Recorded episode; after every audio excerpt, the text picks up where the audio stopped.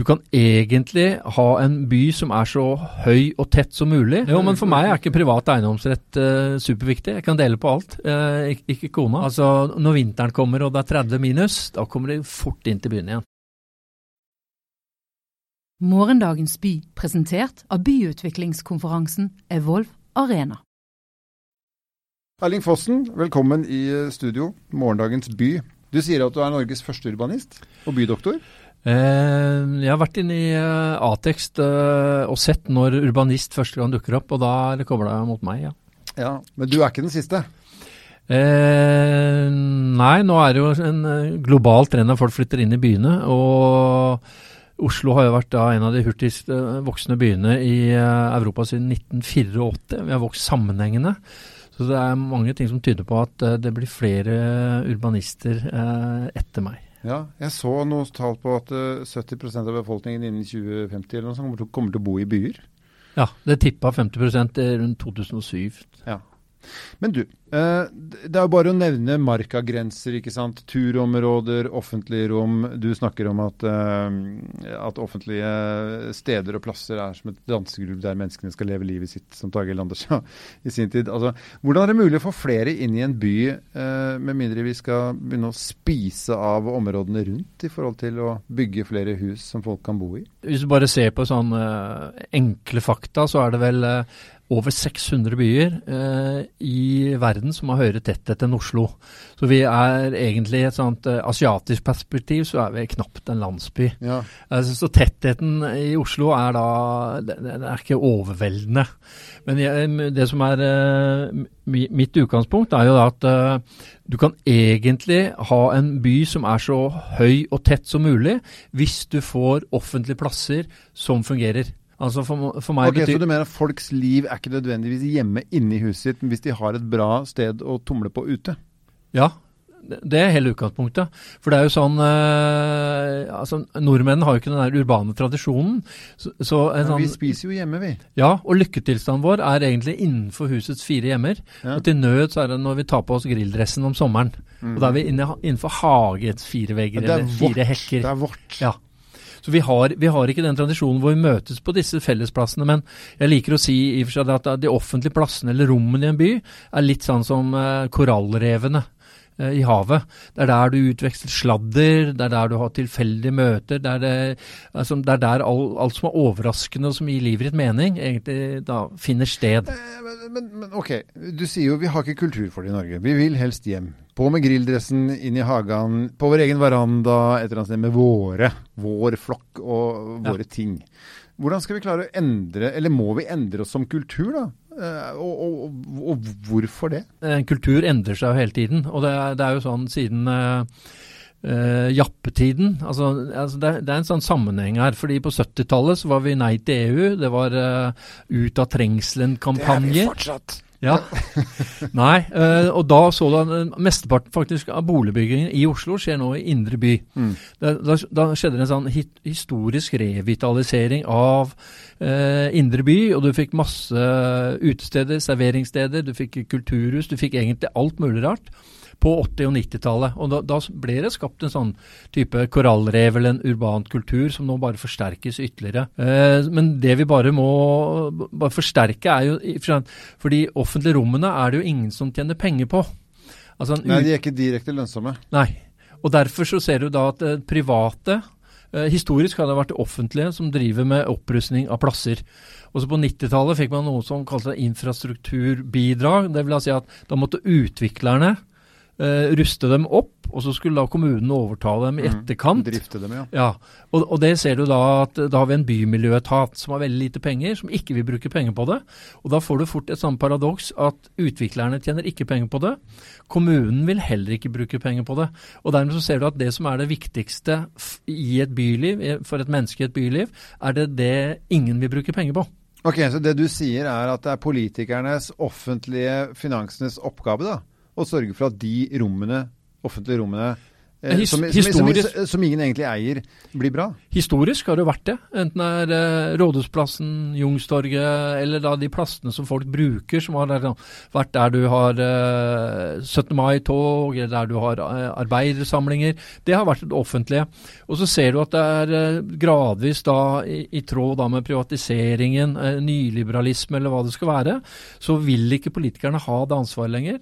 Og så uh, må du da Svaret er jo egentlig at du må få utviklerne til å forstå at eh, hvis du ruster opp et område rundt tomtene dine, så vil også tomtene dine få høyere verdi. Ja, Men da må jo politikerne regulere så de kan bygge det tilsvarende antall kvadratmeter på et eh, mindre fotavtrykk, slik at de i hvert fall får igjen de samme penga. Disse folka her tenker jo bare eh, return of investment. Det er ikke noe annet. Men, eh, De bor jo et annet sted. men det er åpenbart at alle som har eiere, må da tilfredsstille eierne. Altså Mm. selvfølgelig, Hvis de ikke tjener penger, så er det noen som blir sure. Ja, vi lagde park, skjønner du. Grønn lunge. Å ja. Det er ingen som vil betale for det. Nei, det, men det, igjen eh, så må du få til da et privat-offentlig samarbeid som fungerer. Mm. Fordi det er så viktig for bylivet. Og, og det er jo sånn at eh, jo høyere da det eventuelt blir i Oslo, jo tettere det blir, desto mer er da det enten er grønne lunger eller plasser som er velfungerende. Mm. For hvis du ikke har det, da vil det oppleves som, som egentlig veldig sånn fremmedgjørende å bo Ja, i by med veldig mye lyder og Men hva er vitsen egentlig? Altså, Oslo er en ganske grønn by. Hvilken skade ville skjedd om vi på en måte hadde redusert disse områdene litt, og fått plass til flere folk i den samme byen? ja, men Det er to ting. Det ene er jo markagrensen. Det er sånn Ja, jeg bare lurer på, Lager la, lager vi en by for eliten? Som har alt. Som har liksom de offentlige rommene, som er de danseplassene du snakker om, og som virkelig gjør at de som bor der, har det fantastisk. Problemet er bare at de fleste får ikke råd til å bo der. Eh, nei, men det, det er jo et annet viktig spørsmål, men det går jo på boligbygging. At Mm. Hvis det ikke bygges nok boliger eh, Sett deg Oslo vokser mellom 10 og 12 000 i året. Det bor 1,9 hver leilighet, og da burde du bygge da mellom 5 og 6 kanskje 7000 boliger i året. Og I virkeligheten er at det varierer litt, da. Men da er vi er mellom 700 og opp til 2000. Nettopp. Det er latterlig lite. Ja. Eh, Og hvis du ikke klarer klarer å få til det Ja, men altså, løsning på det er ikke nødvendigvis da at du skal begynne å bygge i marka, men du må være mye mer pragmatisk i forhold til høyder, tror jeg.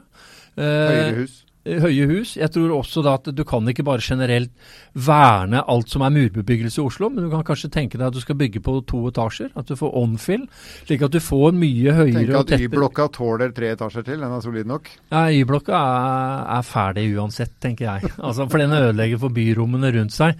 Men det at du må tenke deg at det som nå Oslo er en sånn fireetasjers eh, murby. La oss si at eh, det blir seks, da.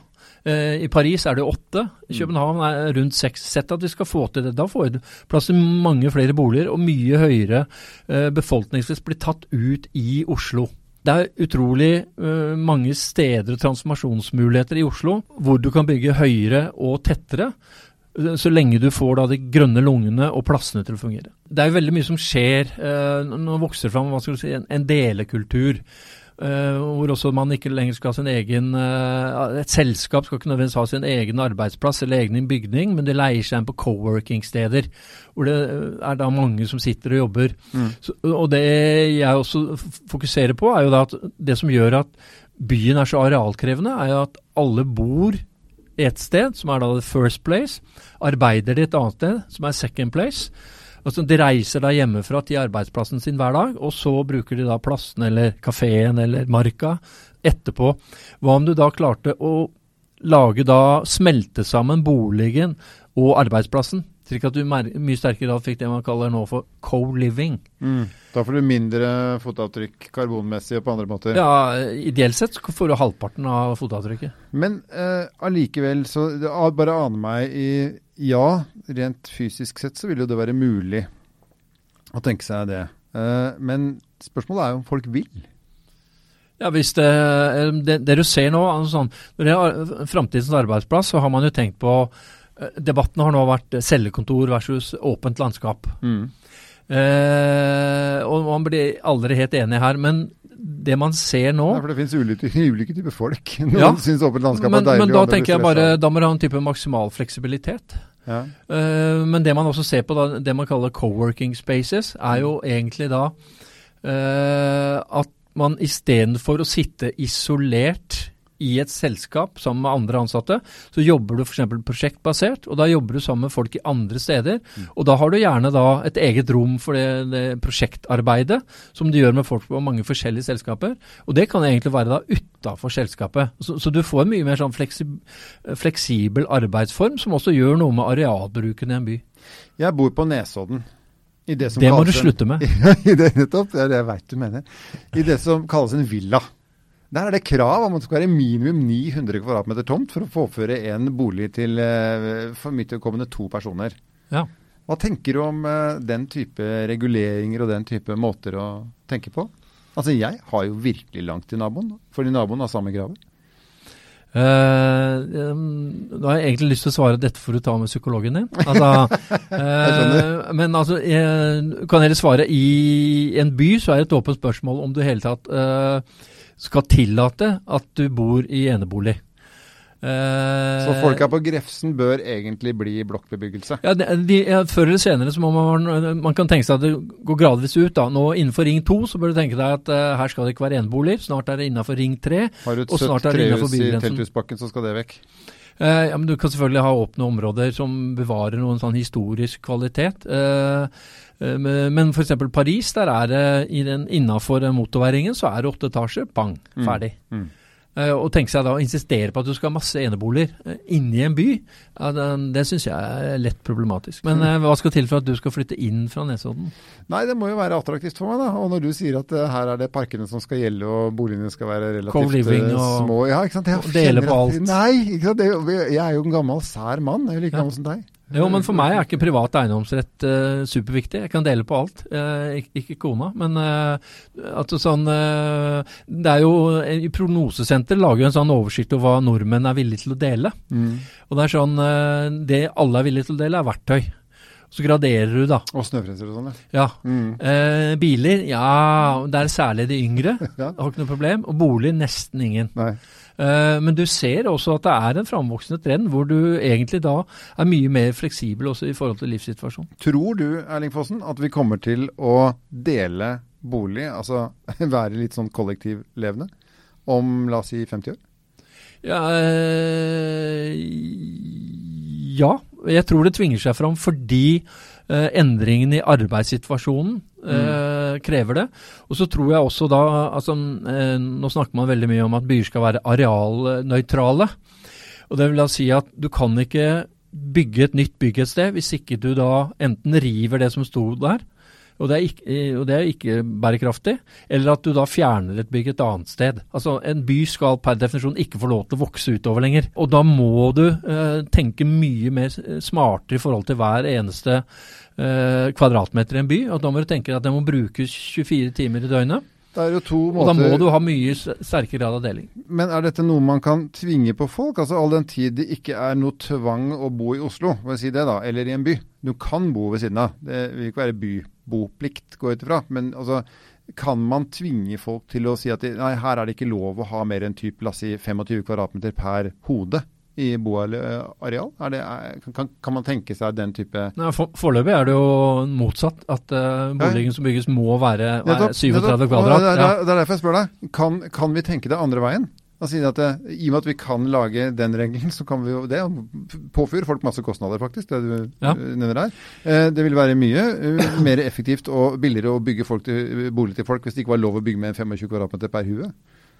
Ja, men den type streng regulering har jeg ikke noe tro på. Men du kan heller Hvorfor, hvor, hvorfor ikke? Uh, nei, fordi da vil nordmannen flytte til Nesodden, alle sammen. Altså Plutselig er Nesodden det nye Oslo. Men det interessante er jo da uh, at hvor mange kvadratmeter trenger du egentlig?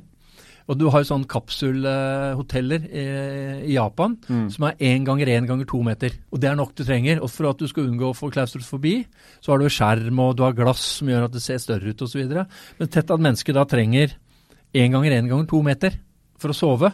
Og så tar du av gradvis hvilke typer behov er det du trenger, eh, hvor, så og så mange. Der, ja. Og hvor mange kvadratmeter tenk, eh, trenger du for å tenke noe en briljant idé?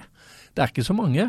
Og dermed så ser du at jeg tror vi må begynne å pakke kvadratmeterne ikke, mye tettere. Du, du blir ikke for teknisk nå da, Fossen. Tenk deg hvor mye jeg har som jeg ikke trenger. Som jeg bare har lyst til å ha. Hvor mye har lyst Altså enten det er hus, kvadratmeter, bil, båt, ting, stuff. Ja. Så jeg, bare, fordi, bare fordi jeg drives av at jeg har lyst.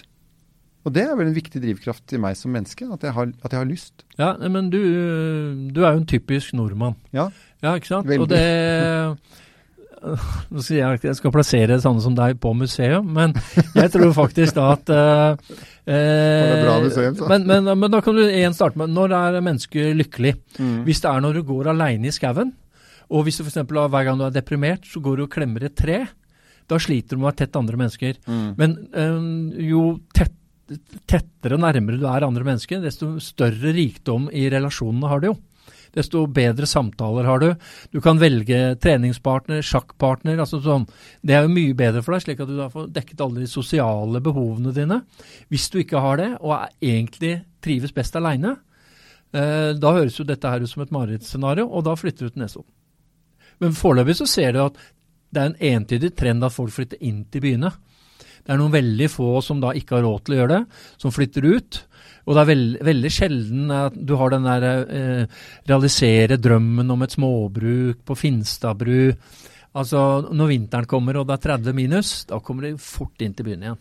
Ja, men når vinteren kommer og det er 30 minus, så er utekontoret til Miljøpartiet De Grønne heller ikke så attraktivt. Eh, det er jeg helt enig i. Noen ganger kan det virke litt som de tenker at det er sommer hele året i Oslo, og det er det ikke. Det vet vi. Du har lyttet til podkasten Morgendagens by. For mer informasjon sjekk evolvarena.com.